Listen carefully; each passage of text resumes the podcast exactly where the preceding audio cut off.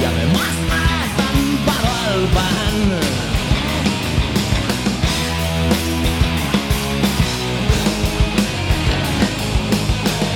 Y además me, me zampado al pan.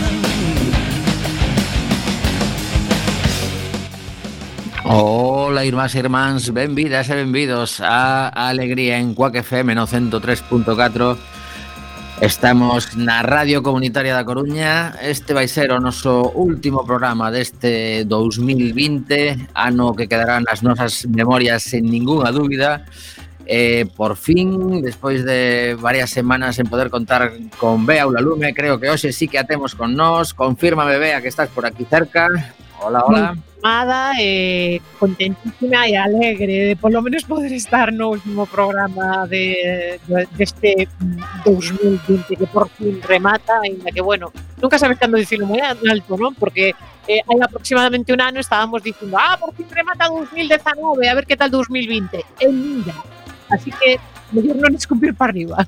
Pois sí, temos tamén a Mr. Bugalú, Mariano Fernández nos mandos técnicos manexando a mesa. Temos que dicir que estamos nas nosas casas aínda por isto de manter as distancias sociais e, e ser o máis respetuosos posibles con a normativa vixente. Mariano, que tal por aí?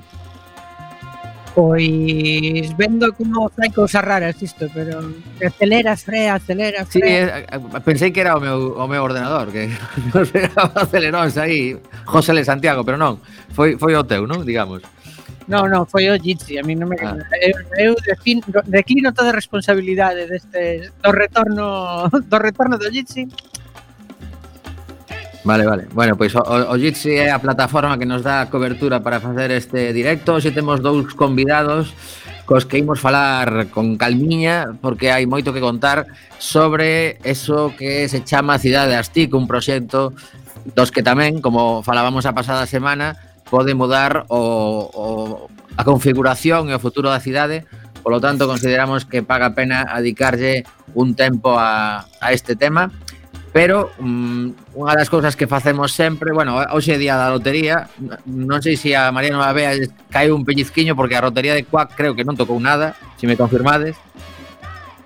Confirmado, nada de nada. Bueno, se un pellizco no cubo ou algo así, no. Pois pues nada, a, a min, vamos, creo, creo que o, me, o mellor un, un unha participación que non mirei aínda que me deu a miña nai de non sei que, o mellor é a única que teño accións. Bueno, unha desfeitiña Agora lle preguntamos tamén aos nosos convidados se, se tiveron algo de sorte. Bueno, podes mover a cabeza, Álvaro e, e Hilde. Sospeito que se tiveran sorte non estaban aquí os. O sea, bueno, bueno, a ver, hai pellizcos de, de, varias categorías, ¿no? Por exemplo, mira, eu acabo de ver aí uns minutos o Bar Bristol que está na Rúa Torreiro e que eh, xoga un número rematado no ano que se inaugurou, o ano 95, e, eh, e tocou tocou a, a pedrea. 5 euros por euro, así que bueno, están contentiños. Una cosa. Bueno, ah, mira, este, este ano calquera, calquera ingreso ven así como para botar cohetes casi.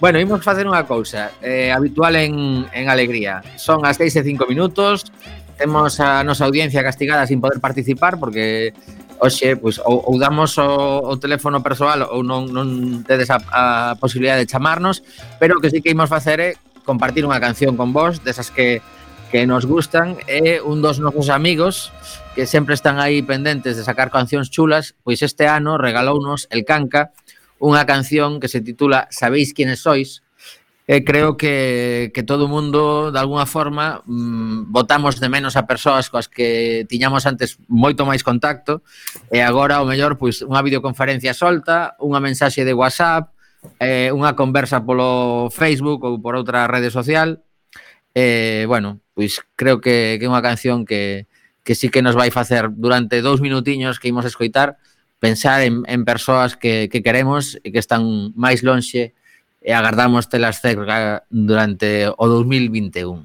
El Canca, sabéis quiénes sois. Pois non, eh?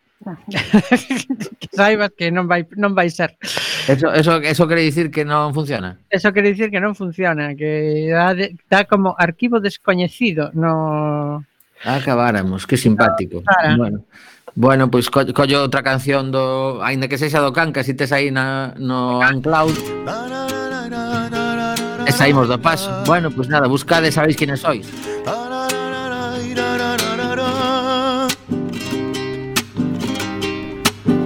Para que el canto deje en pragas al silencio, para que en el campo llueva pan aceite y ajo para arrojar a la codicia mar adentro y a los ilustres codiciosos monte abajo para que el tiempo no se compre con dinero que solo se toren las cornas del hambre para que el puedo pueda más si quiere el quiero pa' que la chispa del amor nos dé calambre, pa' que la verdad sea la moneda y pa' que los besos curen el llanto, pa' que las canciones sean las banderas ahí, para eso canto, para eso canto.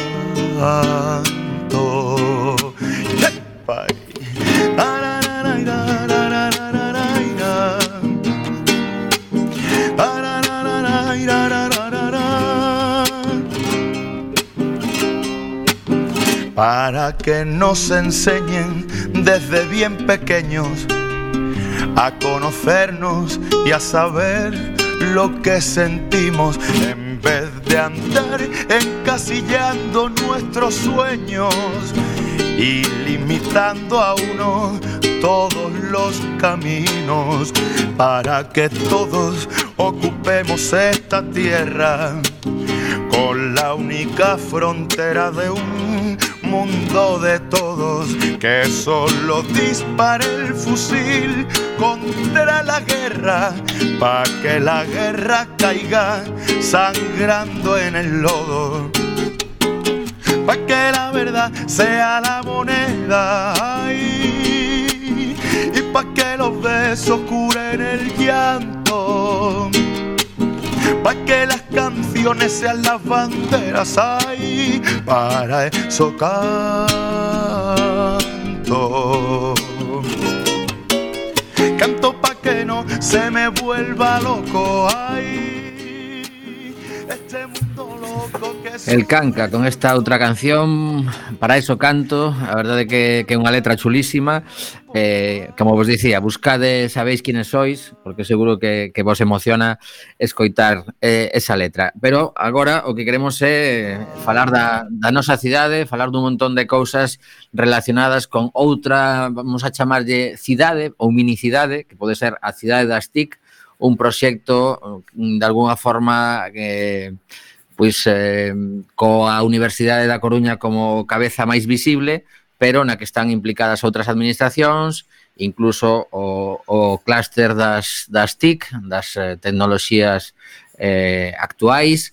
E para falar dese tema temos a, a dúas persoas que mm, de, de formas diferentes pois nos teñen moito que aportar. Por unha banda temos a Álvaro Pérez, eh, que pertence á Asociación de Veciños aos Nosos Lares de Palavea e ademais está nunha plataforma integrada por seis entidades veciñais. Hola Álvaro, que tal? Boa tarde. Pois moitas grazas por estar en, en Alegría.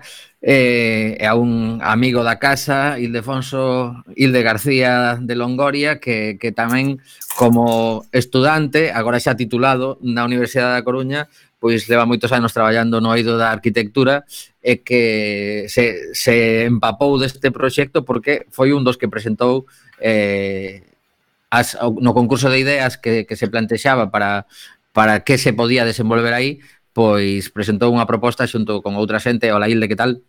Ola, boa tarde, que tal?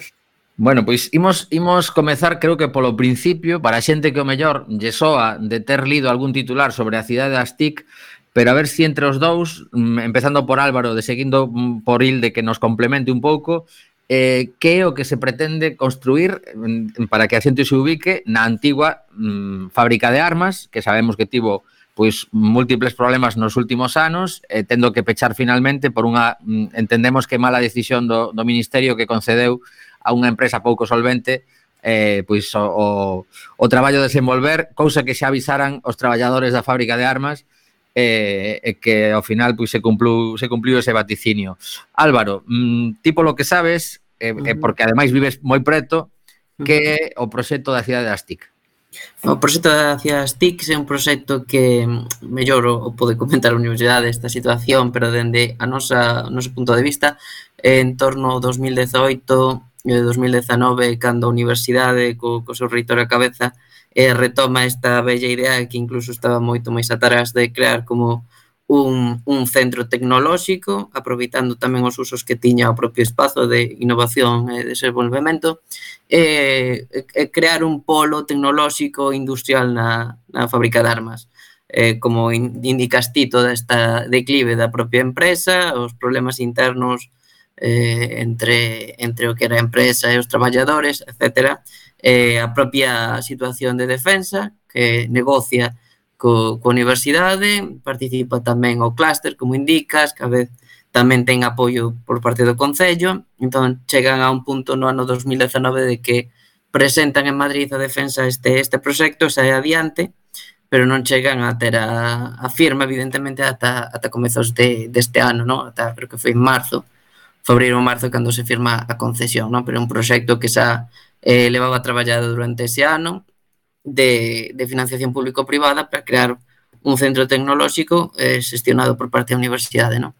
Ora vemos que iso é máis máis amplo, participarán máis institucións, pero o comezo a idea era esa, non? En, en ese nesa conxugación de, de intereses eh, de diferentes institucións, pois eh, o que avisamos dende un primeiro momento é que os veciños e o coñecemento que tiñamos na, na contorna pois era moi escaso ou nulo, non? Por eso, dende un primeiro momento, dende ese 2019, cando víamos todas estas noticias na prensa, porque só saían na prensa de vez en cando, pois queríamos saber como se iba a concretar eh, e como nos iba a afectar como veciños todo, todo isto. Uh -huh. eh, aproveitando que falas de, de, de, de veciños e veciñanza hmm. eh, -huh. eh, sodes seis asociacións que vos eh, unides de alguna forma nunha, nunha plataforma despois falaremos dun, dun manifesto con unha serie de puntos eh, que, que reivindicades Mm. Eh, de alguna forma estades eh, varios barrios que tedes aí como dúas, dúas estradas que, que vos cortan pola metade, que pode ser Pedralonga, Palavea, Eirís, eh, foi complicado esa, esa comunicación entre as, as asociacións ou xa tiñades contacto previo?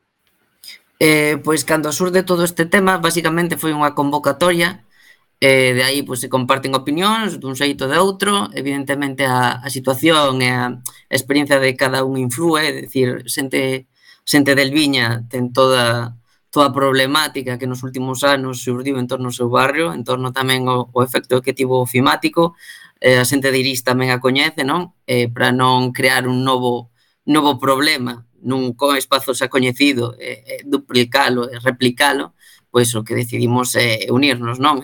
mm, fundamentalmente para solicitar información e ademais para, para ter unha forza na que poder participar e levar para o proxecto antes de que se unha realidade, antes de que a universidade teña concesión, porque isto comeza eh, o ano pasado, eh, ter unha posibilidade de intervir, eh, de saber por onde vai, como vai, eh, de que as institucións públicas, que son as que, como a propia universidade que é pública, pois, eh, teñan en conta os, a veciñanza, non? Uh -huh. Bueno, pois pues, a verdade é que, que isto dá para, para comentar con calma, pero tamén quero agora mmm, que Hilde nos explique un pouco como foi a convocatoria do concurso de ideas. Eh, isto eh, é bastante frecuente no, no eido da arquitectura, eh, do, do planificación urbanística e do outro tipo de, de carreiras técnicas, imos chamar así, que eh, vos atopades con que hai unha convocatoria na que con unha serie de parámetros pois eh, aí empeza a vosa cabeciña a pensar e a interpretar moitas veces o que vos piden, que esa, esa ten que ser unha,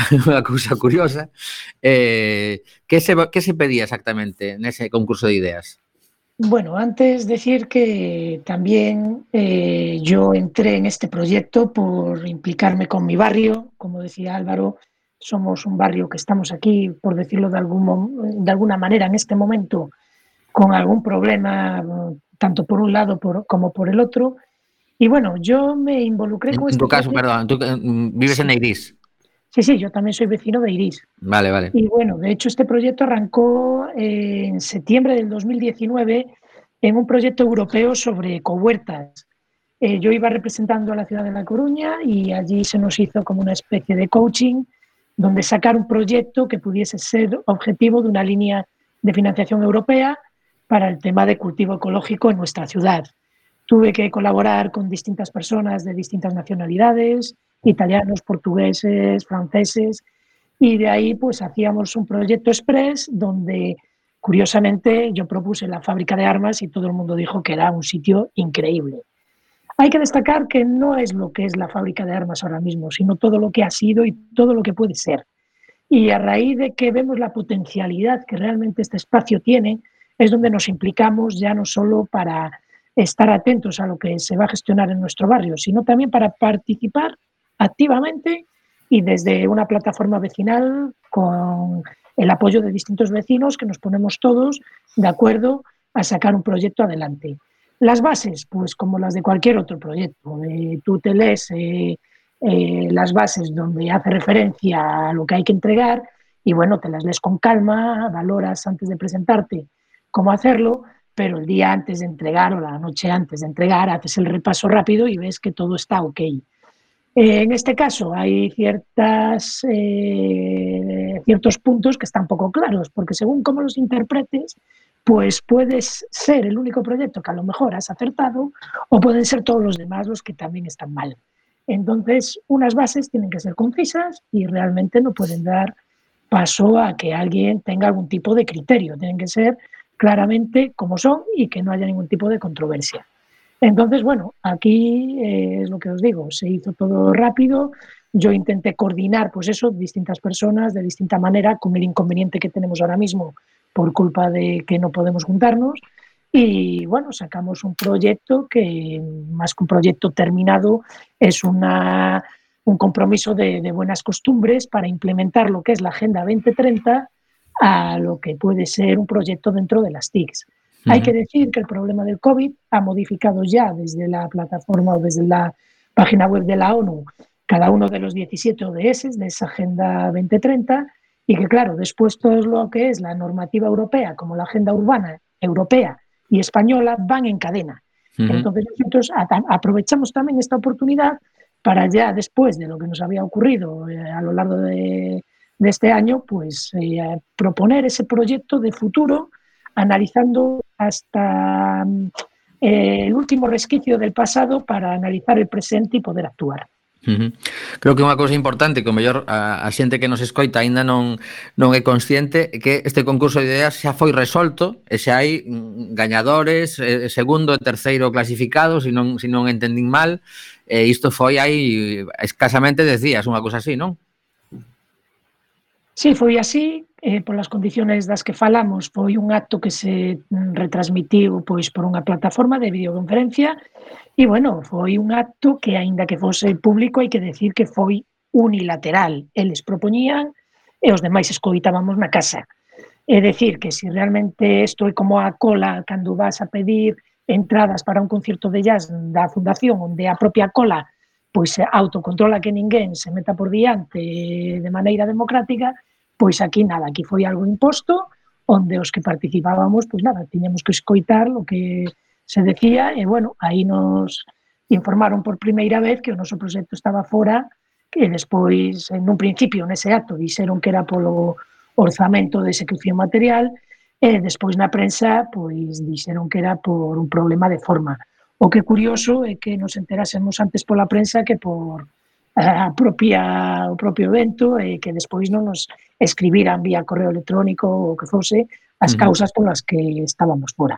Xa, sabedes o número total de proxectos de, de ideas que se presentaron? Sobre 20. Ajá. Así por riba. Vale. Eh, e ademais, de feito, esta estivo descalificada dende o 25 e realmente era o mes anterior e eh, publicouse ou deuse publicidade en ese momento no, no acto público de que o noso proxecto estaba fora xa o 11 do seguinte mes. Ajá. Entón, tiveron tempo da, da bondo para comunicalo. Vale, entón, eh, temos a, a algún tipo de información dun acta no que se reúne a Comisión Avaliadora dos Proxectos eh, está todo eso documentado, eso que nos comentas? Eh, eu solicitei información e por correo electrónico dixeron que se publicará puntos suspensivos, porque me dan a mí a causa pola que estamos fora, que pois é un problema entre un sobre que había que enviar unha información a outra cando precisamente o punto 1 xa que o dosier que foi o que entregamos nós no sobre 1 que debería de entrar no sobre 2 no primeiro punto facendo referencia ao sobre 1 di que podes entregar o panel e o dosier pois aí é onde está o que a cuestión. Despois ah, hai outra base... que sería, sería unha, unha resolución recurrible? Sí, pero tampouco queremos entrar a recurrir nada posiblemente ata que visamos como evolucionan os acontecementos. Realmente aquí lo importante é ver as oportunidades que ten este espacio e se si o que foi o procedimento non foi o adecuado, pois vale, a lo mellor debería de haber alguén que tivese que arbitralo, non lo sei Aquí parece que ti te pos en contacto con un clúster privado cando realmente o que temos que pensar é que hai unha administración pública como é a universidade que fixe un tribunal, que estivo o rector presente e ten que haber un acta oficial que ten que ser transparente. De feito, moitos dos problemas que temos neste barrio é que hai documentos oficiais que non son transparentes e que nos afectan directamente nas decisións para aumentar as instalacións hospitalarias ou para intervir nas que se plantexan agora mesmo, non? Entón, sí que é necesario iso, saber o que hai e despois que tamén nesa senda urbana hai unha parte que fala de que a sociedade ten que implicar as administracións para conseguir as cousas, como fixen eu en este training o coaching de Lisboa, onde realmente nos, se nos estaba asesorando para sacar un proxecto, metelo dentro de algún tipo de eh, liña de financiación, conseguindo algún dos objetivos do desenrolo sostible, e turrar con iso ata o final. Se si a mm. información que ademais se paga con impostos públicos de todos os veciños, despois non se pode consultar, temos que estar todos inventando a roda unha vez e outra vez, cando realmente xa podemos plantexar un punto de partida, sacar unhas conclusións e pensar nese futuro que ademais é determinante para actuar mm. neste presente. Cando preparábamos esta entrevista, eh, comentoume Álvaro que precisamente, se si non me equivoco, mañá hai unha, unha xuntanza co, co, co reitor da universidade, verdade? Sí, mañá unha, estaba solicitada dende a semana pasada e, e mañá teremos esa reunión que eh, solicitouse basicamente para saber como é o proxecto, porque dende o Benres, dende que saiu toda esta noticia, non, non tive ningún tipo de información como dile, salvo vía prensa, como calquera outro tipo de cidadán, uh -huh. eh, coñecer eso, coñecer acta, tamén recollo o que dixo ile, eh, basicamente que hai que coñecer, xa que é un concurso público como, como foi e como se tomou a decisión, eh, os, os criterios que se tiveron en conta e tamén, sobre todo, coñecer en que aspectos repercuten directamente sobre aspectos como a mobilidade ou aspectos que teñen relación co, cos usos sociais e veciñais, cos que tamén debería contar a, a zonas. E sei que non é o objetivo fundamental, o reitor do, do, do concurso de ideas, pero é unha parte que tamén na, nalgúnha frase que estaba no concurso pois estaba presente, así que sería interesante saber que, que proxecto tivo máis en conta esos usos, esos veciñais. Uh -huh. eh, imos comentar tamén eh, aínda que a entrevista vai continuar Despois eh, imos, imos polo eh, introducir tamén dentro do programa A, a nosa Econova Pero, pero antes de, de pasar a Econova sí que quería empezar a, a, desmenuzar un pouquiño esas demandas que introducides na, na voso manifesto da, da plataforma que comentábamos antes e unha, unha, a primeira e que tedes clarísimo é a non expropiación de vivendas. Pensades que, que podería chegar a, a ter que expropiarse vivendas por parte de algunha administración pública para desenvolver o proxecto?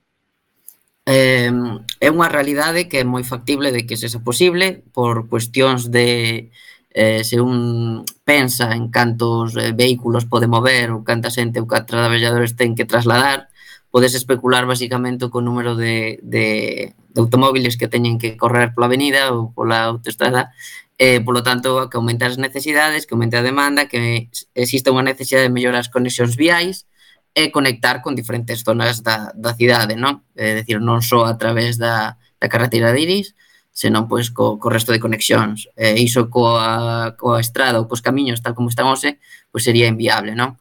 Es, eh, nos dende un primeiro momento que isto é unha cuestión que é competencia básica de, de urbanismo, será o que terá que evaluar e que terá que ter comunicación cos veciños como nas últimas reunións que tivemos estaba presente, que constantemente imos estar informados e tamén consultados sobre as decisións que se tomen, porque evidentemente eh, hai que mirar ben por onde se trazan, como se trazan e eh, con que sentido de finalidade, non?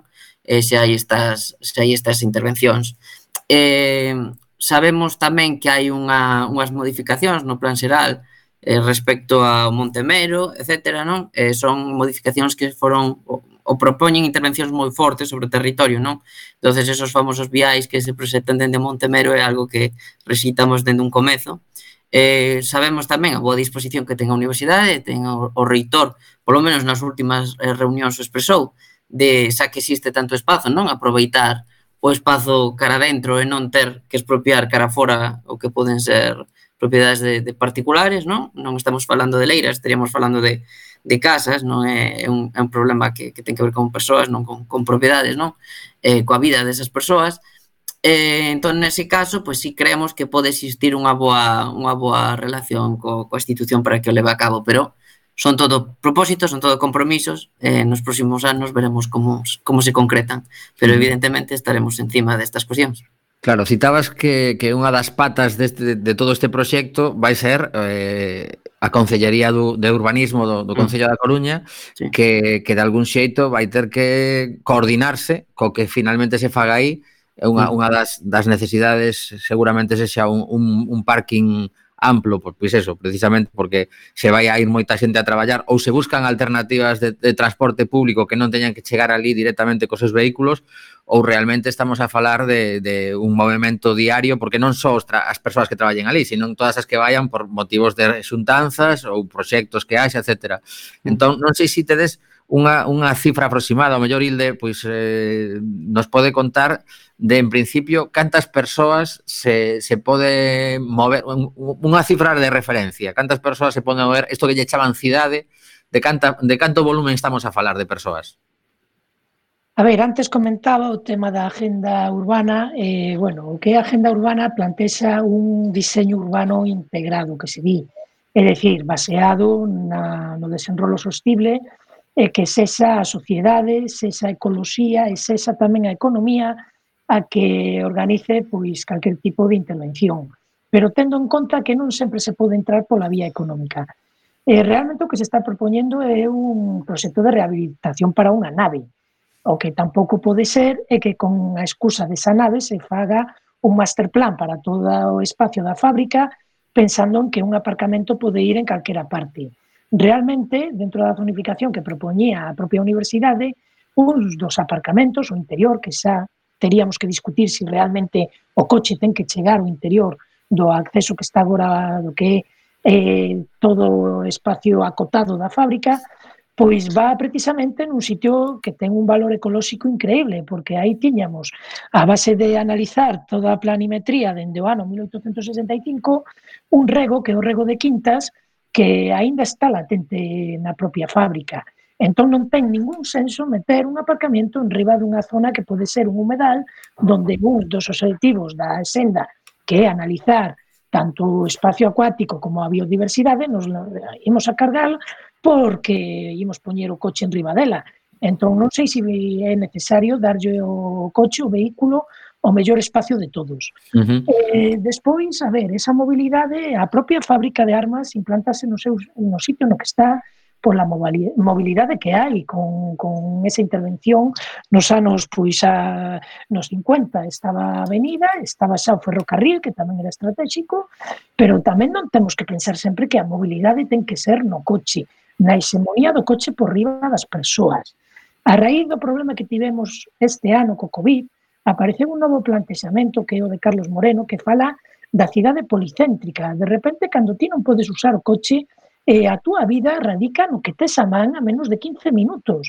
Entón, eh, aparecen centros en cada un dos barrios que son os que temos que explorar e analizar e os que se poden ir andando ou podes ir en bici. Uh -huh. Entón, non sempre ten que ser todo un coche, non sempre ten que ser no coche ata a porta de onde estou traballando, e aquí xa che digo, temos uns aparcamentos increíbles que se chaman recheos, a sea, o recheo que hai sobre a ría, susto debaixo da pasaxe, que pode ser un eh, aparcamiento disuasorio increíble, como todos o, as instalacións que temos no porto agora que o porto vai a, a la zona de, de Arteixo ou porto exterior. Entón, a ver, tendo o ferrocarril, que é o gran abandonado de, desta de cidade, tendo sitios onde deixar os coches, para que meter o vehículo dentro dun límite como é o da fábrica, de, que ademais se ti faz un análise do que é o perímetro da fábrica, do límite da fábrica, te das conta que nos anos 50 aparece o primeiro límite, que é a Avenida da Vedra, que descompone os baños os barrios del Viña, que como San Vicente, que queda a un lado e a, un, a unha marxe e a outra. Chega un primeiro perímetro da fábrica, despois outro dentro dese perímetro.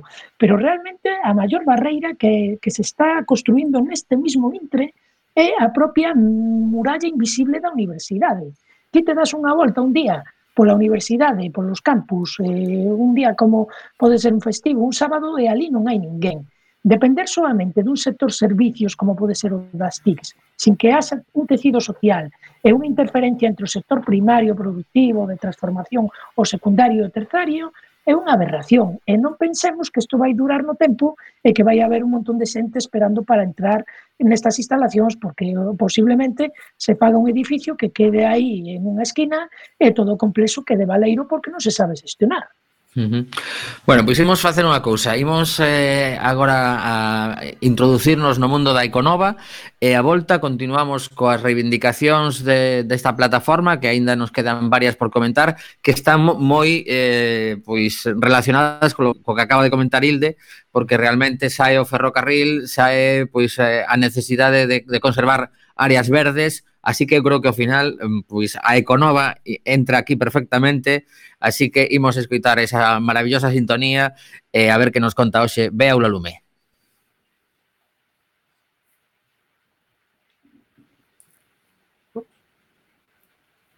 Está vindo, está vindo, xa veredes. É cuestión de segundos.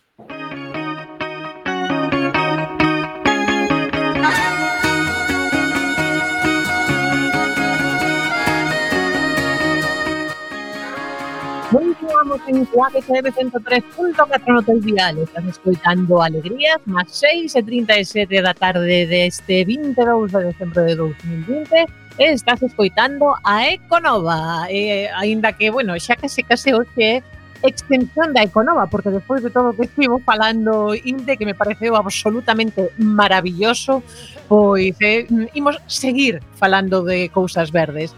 Hoxe concretamente dun tema que sabedes que é dos meus favoritos por denostado, que é o fracking. Aquí debo dar grazas a eh, Tommy, moitas grazas Tommy por enviarme este artículo de La Vanguardia que nos conta que a revolución do fracking convértese nun fiasco.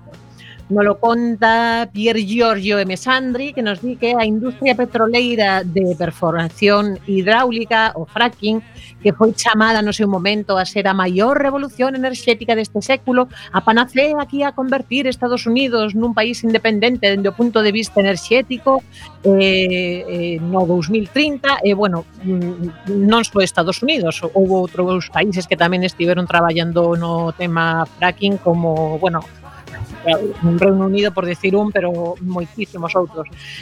Pois o tema acabou iso, en fiasco económico. Eh, díxose desta industria que nela os cartos entran pero nunca saen. De feito, entre 2010 e 2019, o fluxo de caixa anual destas empresas foi sempre negativo. E a día de hoxe sabemos que 500 empresas do sector quebraron en Estados Unidos desde 2016.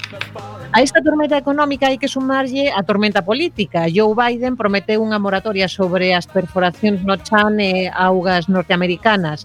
A pandemia xa eh, deu a puntilla de todo tras lo, de, lo medos prezos e a caída da demanda do petróleo Pero o que máis preocupa en realidade son os números vermellos acumulados. As plataformas estadounidenses de petróleo de esquisto queimaron na última década uns 300.000 millóns de dólares, que ven sendo o 70% do capital invertido dende 2008. Para os bancos norteamericanos que financiaron esta industria, mm, este chasco de industria, o cambio de ciclo pone en risco miles de millóns de dólares en préstamos agora potencialmente incobrables. Do monto de bonos corporativos emitidos por estas empresas, a gran maioría eran puramente especulativos ou bonos basura, xa para completar o tema, que é un pouco como que, a ver, de verdade, que non saímos dunha e, e entramos noutra e non aprendemos co, co tema este dos bonos basura. Pois sí, Antonio Turiel, investigador do CSIC, explica por que se mantivo eh, en vida un sector que estaba en claras pérdidas. Di, cando se empezou a potenciar esta industria no 2008 non había alternativa se se quería alongar o pico de producción de petróleo uns anos. Pero xa no 2018 chegouse a ese punto, e, bueno, e que había outras alternativas, traballaras en iso e tal. Pero claro, a administración Trump, mediante incentivos e menor regulación ambiental, alargou a agonía. O ciclo económico está cambiando, ademais, na última década o sector da enerxía foi o que obtivo peores resultados en bolsa, os inversores hoxendía centranse máis nas enerxías renovables, A Xencia Internacional de Enerxía calculaba que en 2020 a demanda mundial de petróleo baixaría bastante con respecto ao 19 e que no 2021 non se recuperaría a niveles pre-Covid. De feito, incluso din que se a tendencia non cambia a produción de petróleo podería reducirse a metade no 2025, que non queda nada, que está... No, eso, eso cheira dende aquí xa 2025. Efectivamente.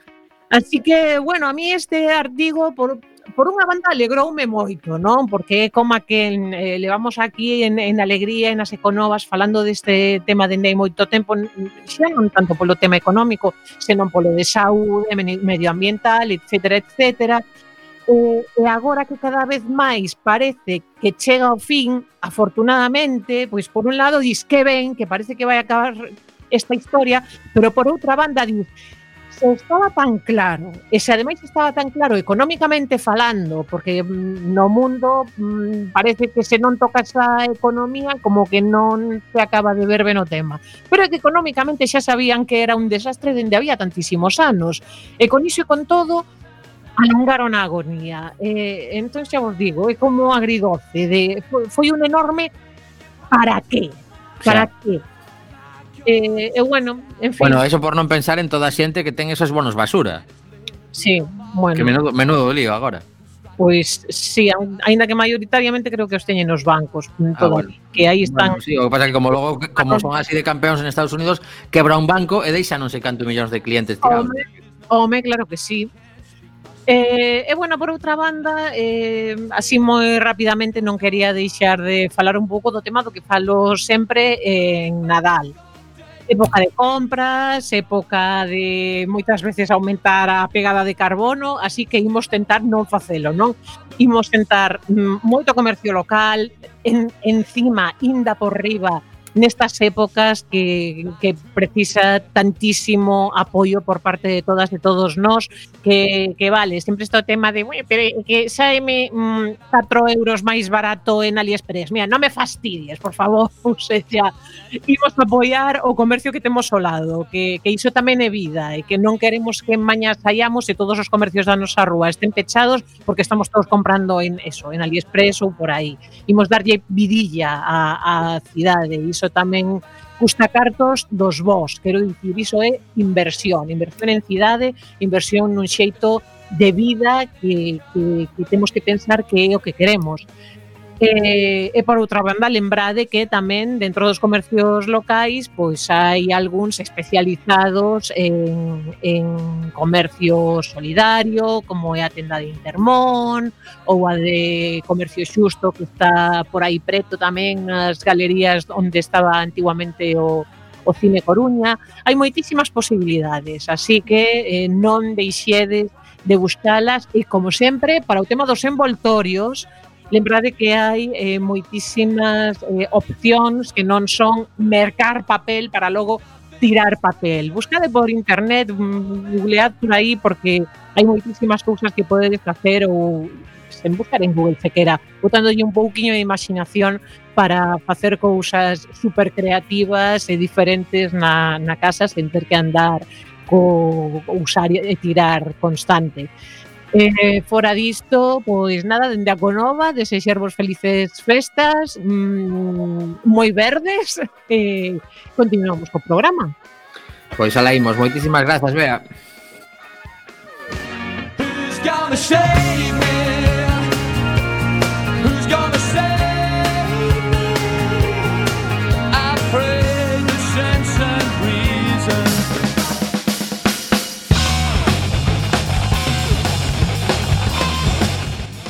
Imos aproveitar estes 15 eh, minutos que nos quedan. Estás a escoitar Alegría en Cuac FM na Radio Comunitaria da Coruña. Retomamos o tema principal de hoxe que é a cidade das TIC e eh, todo o que conleva no seu entorno. Estamos a falar con Álvaro Pérez eh, da, da plataforma veciñal e tamén veciño neste caso de Palavea. Por certo, Álvaro, ti que canto tempo levas en Palavea?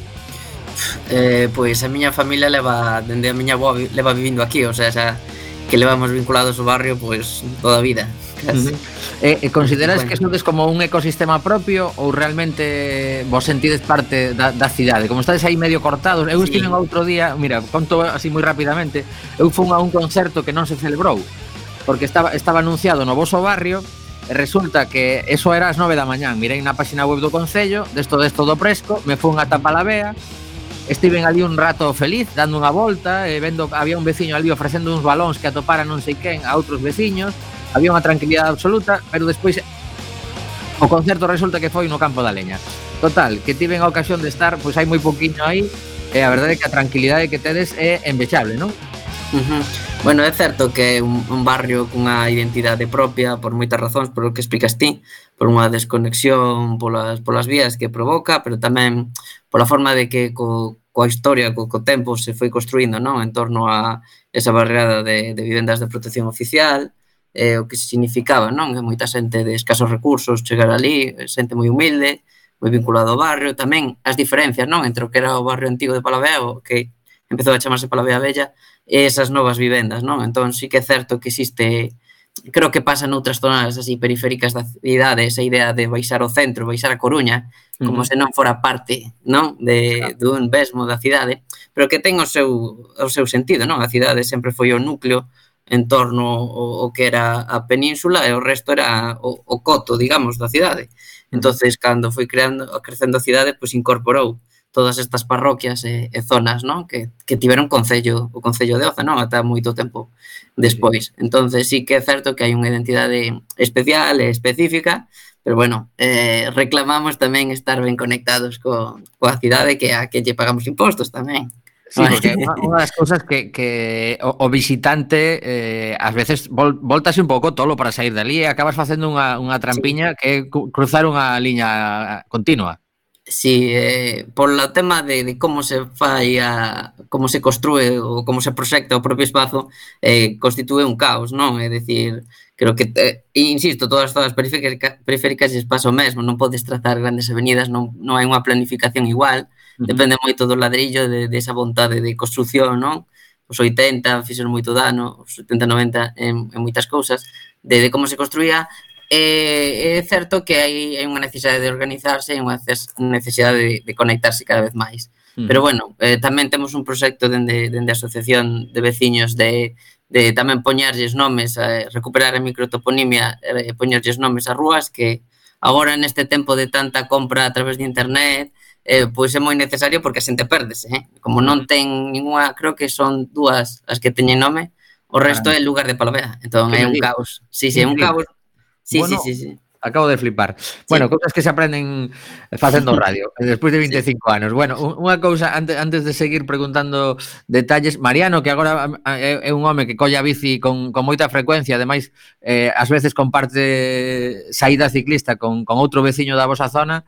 Eh, non, non sei se tens algo que comentar con, con respecto a todo isto que estábamos a, a falar da, da, da mobilidade precisamente Eh, e ata que punto se, se pode se pode incluso o, o que ti fas de que é disfrutar dando dando pedaladas. Home, xa, xa te seguro eu que ir a Irís non, des, non, non, non é fácil de disfrutar en bici.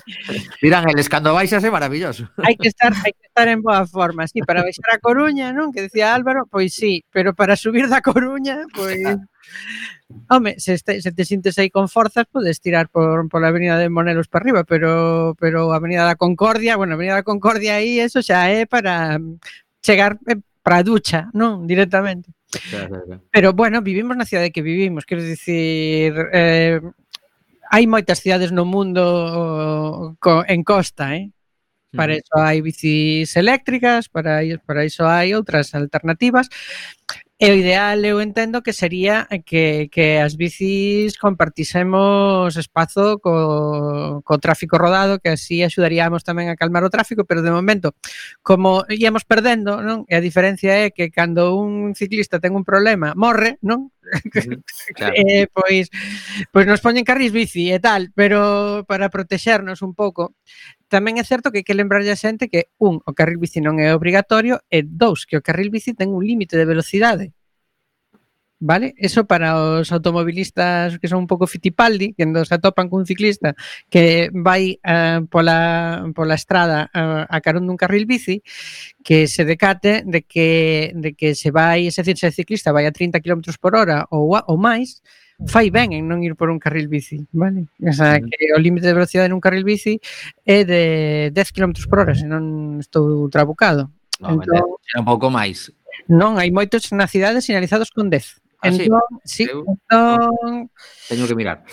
Que non está aquí Hilde, que seguro que sabe diso, pero pero que hai un límite de velocidade, caramba, que vale, vale. que cuidado. Uh -huh.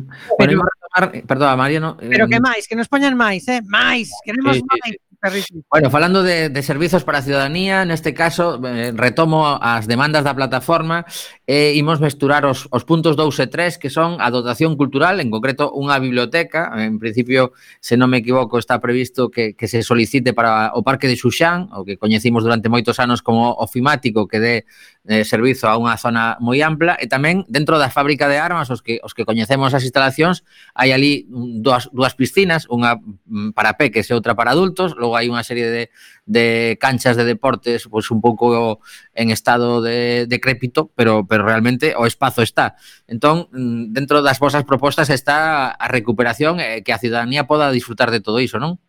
Sí, unha das reclamacións, ou a clave das reclamacións cando un preguntaba, cando nos organizamos polo, pola idea de como era, non? Era que a cidade das TICs fora unha cidade, é dicir, un espazo definido, pero que contaran as persoas, non? Eso é o que fai unha cidade.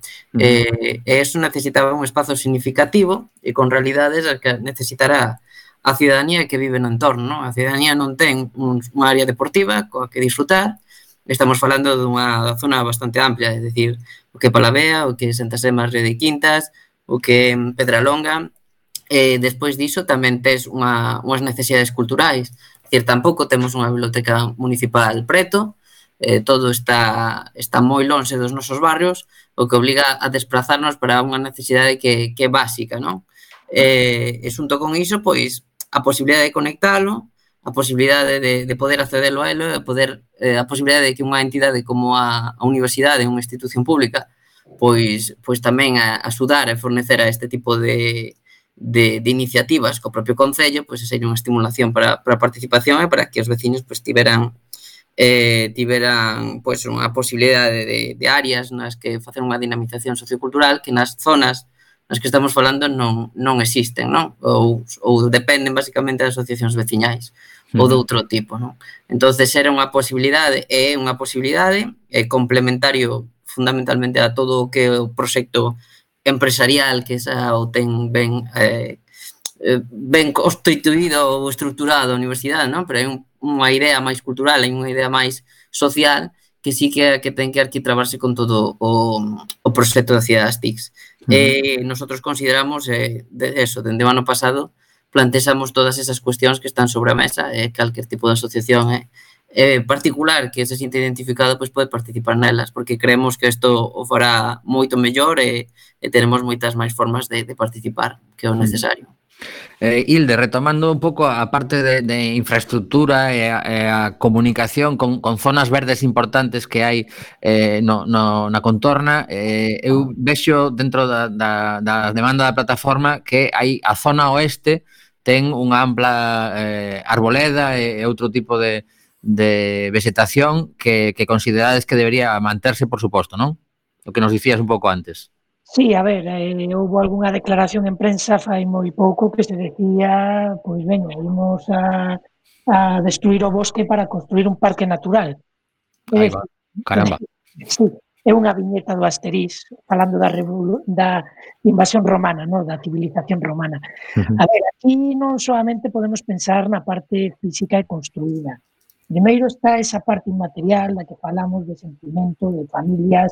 Eu tamén a miña familia da miña nai era de Palavea, o meu avó traballaba no reformatorio, que era unha das antiguas quintas que había vinculadas aquí ao rego de quintas, E realmente esa estrutura que había de valle a través dese rego está completamente desdibusada agora mesmo. Nós tivemos a sorte de poder combinar o plano de 1931 ca foto aérea de 1946, era increíble a relación que había entre a parte gráfica debuxada, interpretada, e a parte real en branco e negro que, que teníamos ali.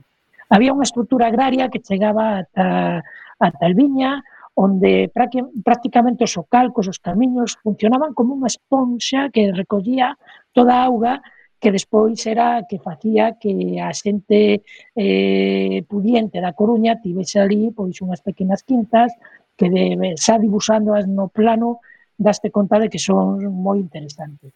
O tema da mobilidade, pois evidentemente, estou con Mariano, a oportunidade de que este novo centro nesa cidade policéntrica da que se fala agora de Carlos Moreno, desa cidade dos 15 minutos de proximidade, eh, é vital aquí, porque temos como unha pequena peza na que pode darlle continuidade e facer circulares moita, moitos dos camiños que xa hai en, en bicicleta.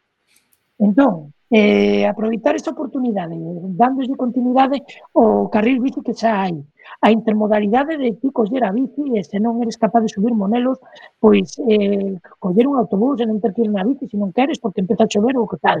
Pois é unha oportunidade única.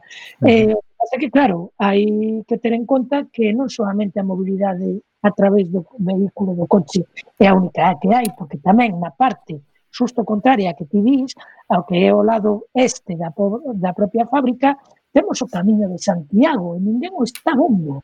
-huh. Hai é que pasa todos os días por este camiño, o que pasa que coincide que arrancan nas mañás de verán no centro da cidade a sete da mañán para aproveitar a xornada de camiñar, uh -huh. que están pasando por eh, onde están as portas da por, propia fábrica.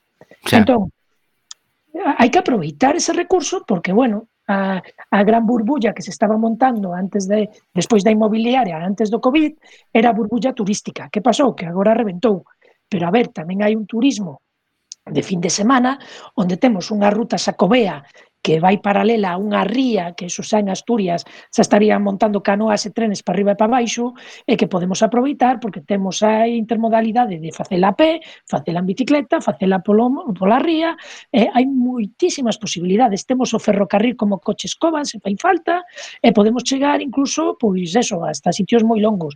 Ademais, o Camiño de Santiago fai unha Y, Eh, eu penso que calquer persoa do interior pechas esa Y e faz unha ruta circular aproveitando tamén a propia ría é un reclamo increíble para un montón de xente. Uh -huh. E todo o que estamos falando, todas as instalacións deportivas que temos vinculadas a ese camiño, pois xa entrarían tamén neste, neste mecanismo.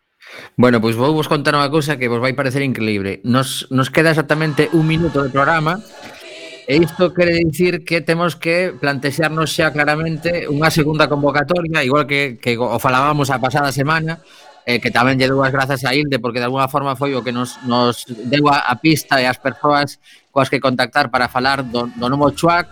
Pois hoxe pois queda moito moito pendente de falar eh, e se vos parece, como isto vai para longo precisamente mañá tedes unha xuntanza importante retomamos o tema en vindeiros programas eh, moita forza dende aquí eh, que, que non te caia esa, esa unión sobre todo que creo que é fundamental. Eh, tentaremos estar atentos ás vosas novas. Moitísimas grazas Álvaro e eh, Hilde eh, boas festas. Moitas grazas, e igualmente, claro, grazas por a, por a posibilidade. Pois pues nada, grazas a vos. Eh, Mariano e Bea, pois pues, decide o que vos apeteza nestes últimos segundos porque temos que deixarlle paso a Recendo. Pois nada, que feliz ano, que malo será, ¿no? Porque... Sí, que se, que se nos porte un pouco mellor. Sí, a ver. Felices festas.